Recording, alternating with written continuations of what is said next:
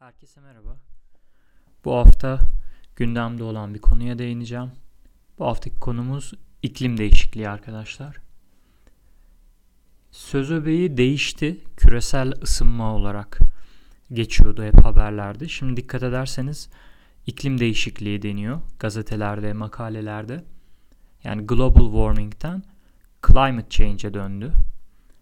Ee, artık bu şekilde ifade ediliyor bu konulara değinilirken. Ben e, spesifik birkaç olay üstünden değerlendireceğim. Sonrasında da bireysel olarak e, biz ne yapabiliriz? Hayatımızda ne gibi değişiklikler yaparak e, bunun önüne geçebiliriz? Bunlardan bahsetmeye çalışacağım.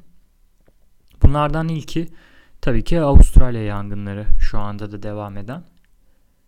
Benim için e, ayrı bir hassasiyeti var bu konunun çünkü ee, çok sevdiğim bir arkadaşım Avustralya'ya yerleşti.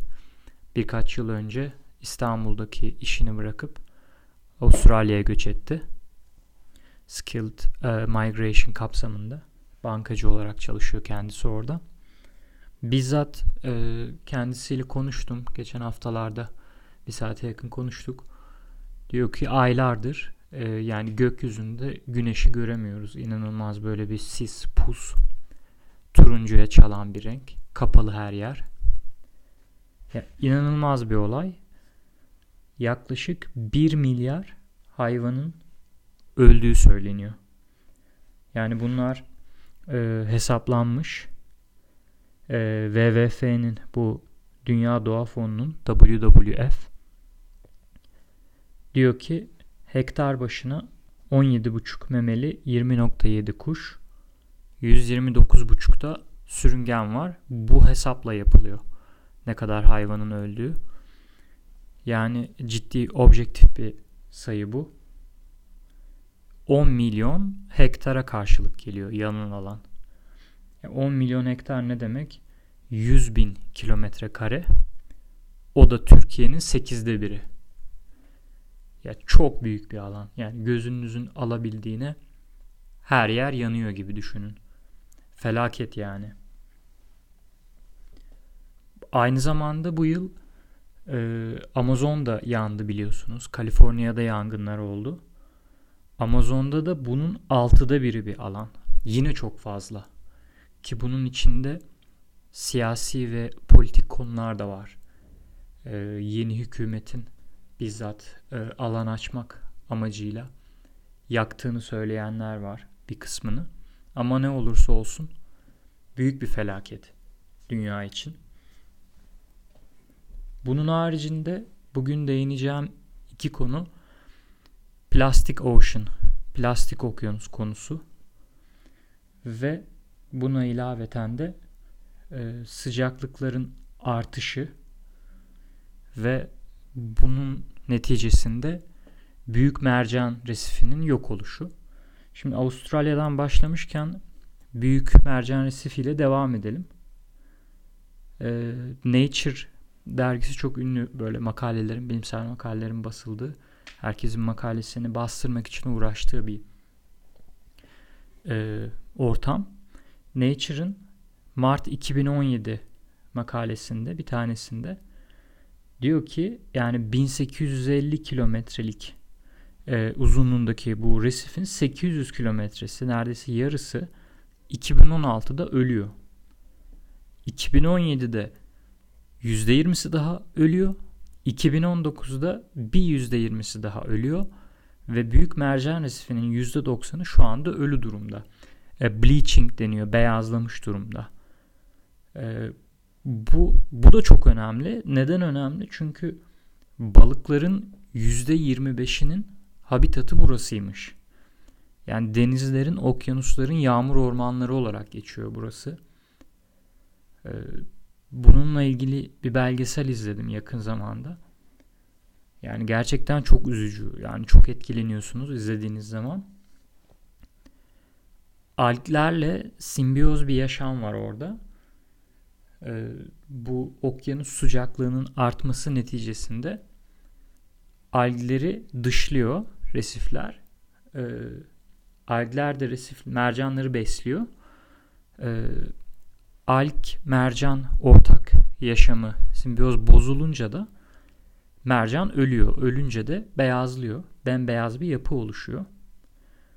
Ya 800 kilometre dediğiniz e, yani müthiş bir mesafe. Yani bu mercan resifinin büyüklüğünü de gözünüzün önüne getirebilmeniz için yani düşünün Ankara İstanbul belki 400 kilometre bir o kadar daha mesafe. Belki Türkiye'nin bir uçtan bir uca tamamı 1850 kilometre dediğimiz alanın e, 2016'da yarısı şimdi de neredeyse tamamı yok olmuş durumda. Bunun sebebi de e, fazla ısı bu bahsettiğimiz o küresel ısınma iklim değişikliği neticesindeki fazla ısı okyanuslarda depolanıyor. Buradan da e, dünyadaki sıcaklık artışına geçmek istiyorum. Yine e, kaynak vererek devam edeyim. Dünya Meteoroloji Örgütü'nün, organizasyonunun bir yayını var. Daha yeni 15 Ocak olması lazım. Orada e, 2016'dan sonra bu yılın dünyadaki en sıcak ikinci yıl olduğu ilan edildi. Adamların tuttuğu kayıtlar da 1850'den bu yana yani 150 yıl ediyor. 150 küsür yıldır kayıt tutuluyor ve en sıcak ikinci yıl.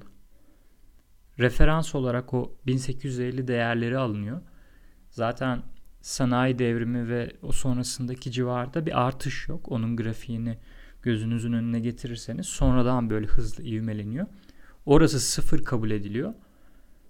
Ee, ona nazaran şu anda sıcaklık dünya 1.1 derece daha sıcak.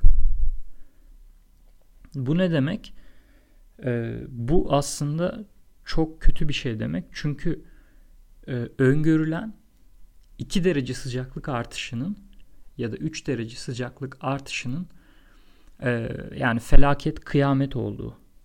Ya 1.1 şu an burada çok küçük bir sayı gibi geliyor kulağa ama e, 1850'den bu yana dünya 1.1 derece ısınmış ortalama sıcaklıklar olarak ve e, bu muazzam bir felaket habercisi.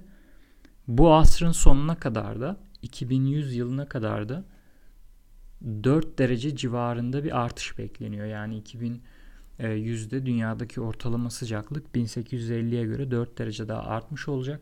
Ve zaten 2-3 e, derece civarından sonra e, geri dönülmez yani uçurumdan yuvarlanmış olacağımız söyleniyor. Bunu önlemek için şu anda e, bir şeyler yapılıyor mu? Yani aslında yapılmıyor. E, biliyorsunuz 2003 doğumlu İsveçli Greta Thunberg diye bir kız vardı. Bu iklim konferansına katılmak için e, İsveç'ten Avrupa'dan Amerika'ya yelkenlilerle gitti. E, sıfır emisyon prensibi sebebiyle. Uçmayı reddetti.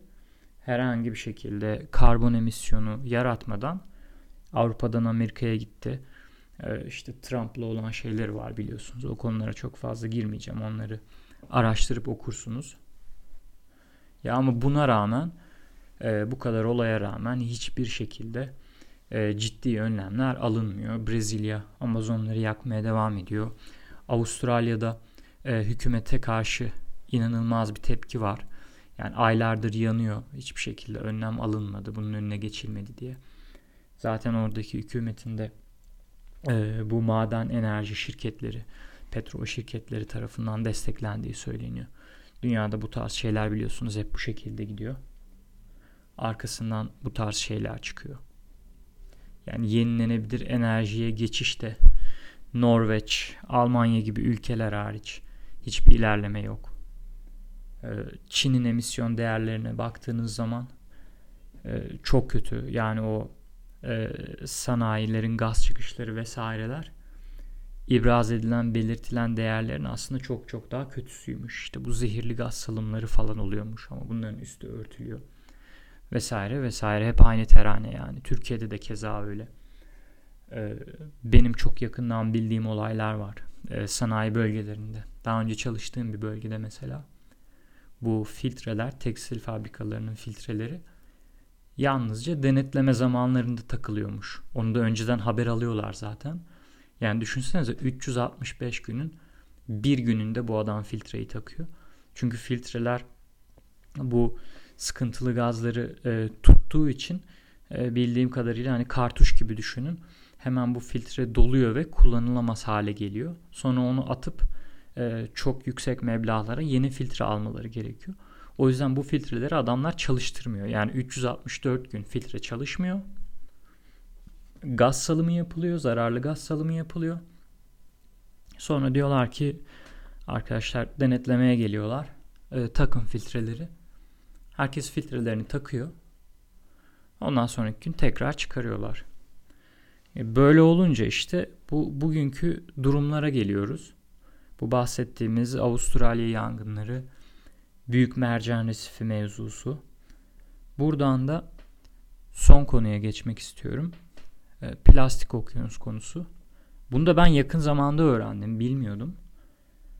E, Kuzey Pasifik'te yani e, Kuzey Amerika kıtasıyla Asya kıtasının arasında yani Amerika'nın batısıyla Los Angeles Japonya arası gibi düşünün mesela o coğrafyada öğrendiğimiz Pasifik Okyanusu'nda bir okyanus döngüsü var. Ee, okyanuslarda 5 tane okyanus döngüsü varmış. Atlantik'te falan da var. Bu Kuzey Pasifik okyanus döngüsünde plastikler dönüp duruyor. 1.6 milyon kilometre karelik bir alanda. İki tane Türkiye kadar alanda. İnanabiliyor musunuz? Ee, burada muazzam seviyede bir plastik var. Yılda 100 milyon ton plastik üretiliyormuş dünyada. Bunların da her yıl %10'u okyanusa karışıyor. Bu e, vortex dedikleri bu döngü, bu dönem bir plastik ada gibi düşünün. 1945'ten beri 10 kat büyümüş. 10 katına ulaşmış 1945'teki büyüklüğünün. Ee, böyle plastik dağı gibi düşünmeyin onu. Buradaki e, parçaların, plastiklerin hepsinin e, çok minik, minyatür olduğunu söylüyorlar. Ama neticede burada e, bu miktarda plastik var. Bu da bir gerçek. Ya çok korkutucu. Yani iki tane Türkiye kadar alan. Deniz yüzeyinde.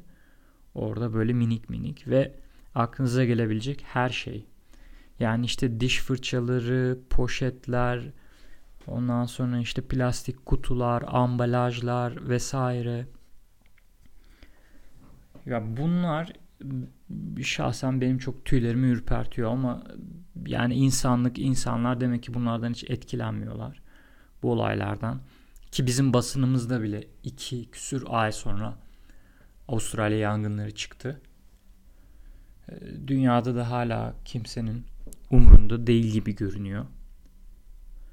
Ee, dolayısıyla da bu Dünya Meteoroloji Örgütü'nün organizasyonunun uyardığı 3 derecelik 5 derecelik artışta o zaman önümüzdeki 10 yıllarda gelecek gibi duruyor. E bu da işte o aslında kıyameti dünyada yaşamamız demek. Yaşarken görmemiz demek. Ki şu an bile e, mesela ben bakıyorum kendi gözlerimizle de bunları fark edebiliyoruz. E, en sıcak kışı yaşadık Ankara'da. Ben hiç hatırlamıyorum bu kadar kurak, e, yağmursuz, karsız bir kış yaşadığımızı. Yani şu ana kadar işte Aralık, Ocak ayının da ortasına geldik. Hiçbir şey yok. Yani tamam soğuk ama açık, güneşli, yağmur yok, kar yok. Hiç kış gibi hissettirmiyor. Ya bunlar hep ibareler. Yani tam bu kadar kaynak verdim zaten kesinlikle bence bunların üstüne insanların inanması gerekiyor ama hadi kimse buna da inanmıyorsa, bunları da duymuyorsa kendi gözleriyle görüp şu anda dışarıda olup bitenleri, havada olup bitenleri demesi lazım ki ya bir şeyler yanlış gidiyor, bir şeyleri yanlış yapıyoruz. Buradan artık yavaş yavaş podcast'i sonuna bağlayayım. Ee, neler yapabiliriz? Yani yapılabilecek şeyler aslında sınırsız. Ama ufak tefek, e, naçizane kendi yaptığım şeylerden örnek vererek kapatacağım. En basit işte plastik kullanımını, bu poşetleri vesaireleri azaltmak. yüksek lisansta Almanya'daydım. Benim oradan bir alışkanlığımdı. Burada da e, az kullanmaya çalışıyordum. E, bir de üstüne bu yasa çıktı. Poşetlerin paralı olması. Bence bu mesela müthiş bir şey. Gerçekten güzel. Artık ufak tefek insanlar kendi çantalarıyla, pazar fileleriyle çıkmaya başlıyorlar. E, bu bile bir şeydir. Etki alanınızdaki şeyleri değiştirmeye çalışın. Bence benim tavsiyem bu. Çok böyle muazzam şeyler yapmanıza gerek yok. Dünyayı değiştirmenize gerek yok. İşte bu poşet kullanımını azaltın. En basitinden bizim iş yerinde e, sabah ve öğleden sonra kahve çıkıyor. Kahve kağıt bardakla alıyordu insanlar uzun süredir. Ben kendi kupamla alıyordum. Bu bile bir şeydir. Ve hatta bunun üstüne ben bir buçuk yıldır değişsin değişsin diyordum. O da değişti. Artık e, kağıt bardaklar kalktı. Bizde de e, cam ve porselen bardaklar konuyor oraya. İnsanlar oradan kahve alıyor. Ya kendi kupasını kullanıyor ya oradan bir bardak alıyor. Daha sonra bunlar makinede yıkanıyor. Ya bunların hepsi bir şey. Ee, eğer bunları yapıyorsanız e, gece rahat uyuyabilirsiniz. Yani vicdanınız rahat olabilir. Çünkü diyebilirsiniz ki abi ben bugün e, doğaya zarar vermedim. Olabildiğince minimal, çok atık çıkarmadan yaşamaya çalıştım. Ben yapacağımı yaptım. Bunun e, günahı başkalarının boynuna diyebilirsiniz. Siz elinizden geleni yapın ufak tefek. Önemli olan o. İşte bir söz var yani herkes kapısının önünü süpürse dünya tertemiz olur. Bu aslında doğru hakikaten de öyle. E, bugünlere gelmemizin sebebi kimsenin kapısının önünü süpürmemesiydi. İşte bu hale geldik. E, bunu yapmak lazım. Temiz tutmak lazım. Atıkları azaltmak lazım. Öyle yaşamak lazım. Doğaya saygı duyarak yaşamak lazım. E, çünkü biz gelip geçiciyiz. E, insanların çocuklarını daha sonraki nesilleri düşünmesi lazım. Yani bu dünya bize bahşedilmiş bir yer değil. Biz buraya gelip gidenleriz. Bu algı yok bizde. Biz her şeyi bizim gibi düşünüyoruz. Böyle bir sahipleniyoruz. Bu dünya bizim için yaratılmış gibi. Belki de o yüzden çok fazla tüketiyoruz. Bunları biraz olsun düşünüp ona göre yaşam tarzında ufak tefek değişiklikler yapmak bence kafi en güzel şey. Ee, böyle kamu spotu gibi oldu bu bölüm arkadaşlar. Böyle kapatıyorum ben iklim değişikliği bölümünü. Bir sonraki bölümde, bir sonraki hafta görüşmek üzere. Kendinize iyi bakın.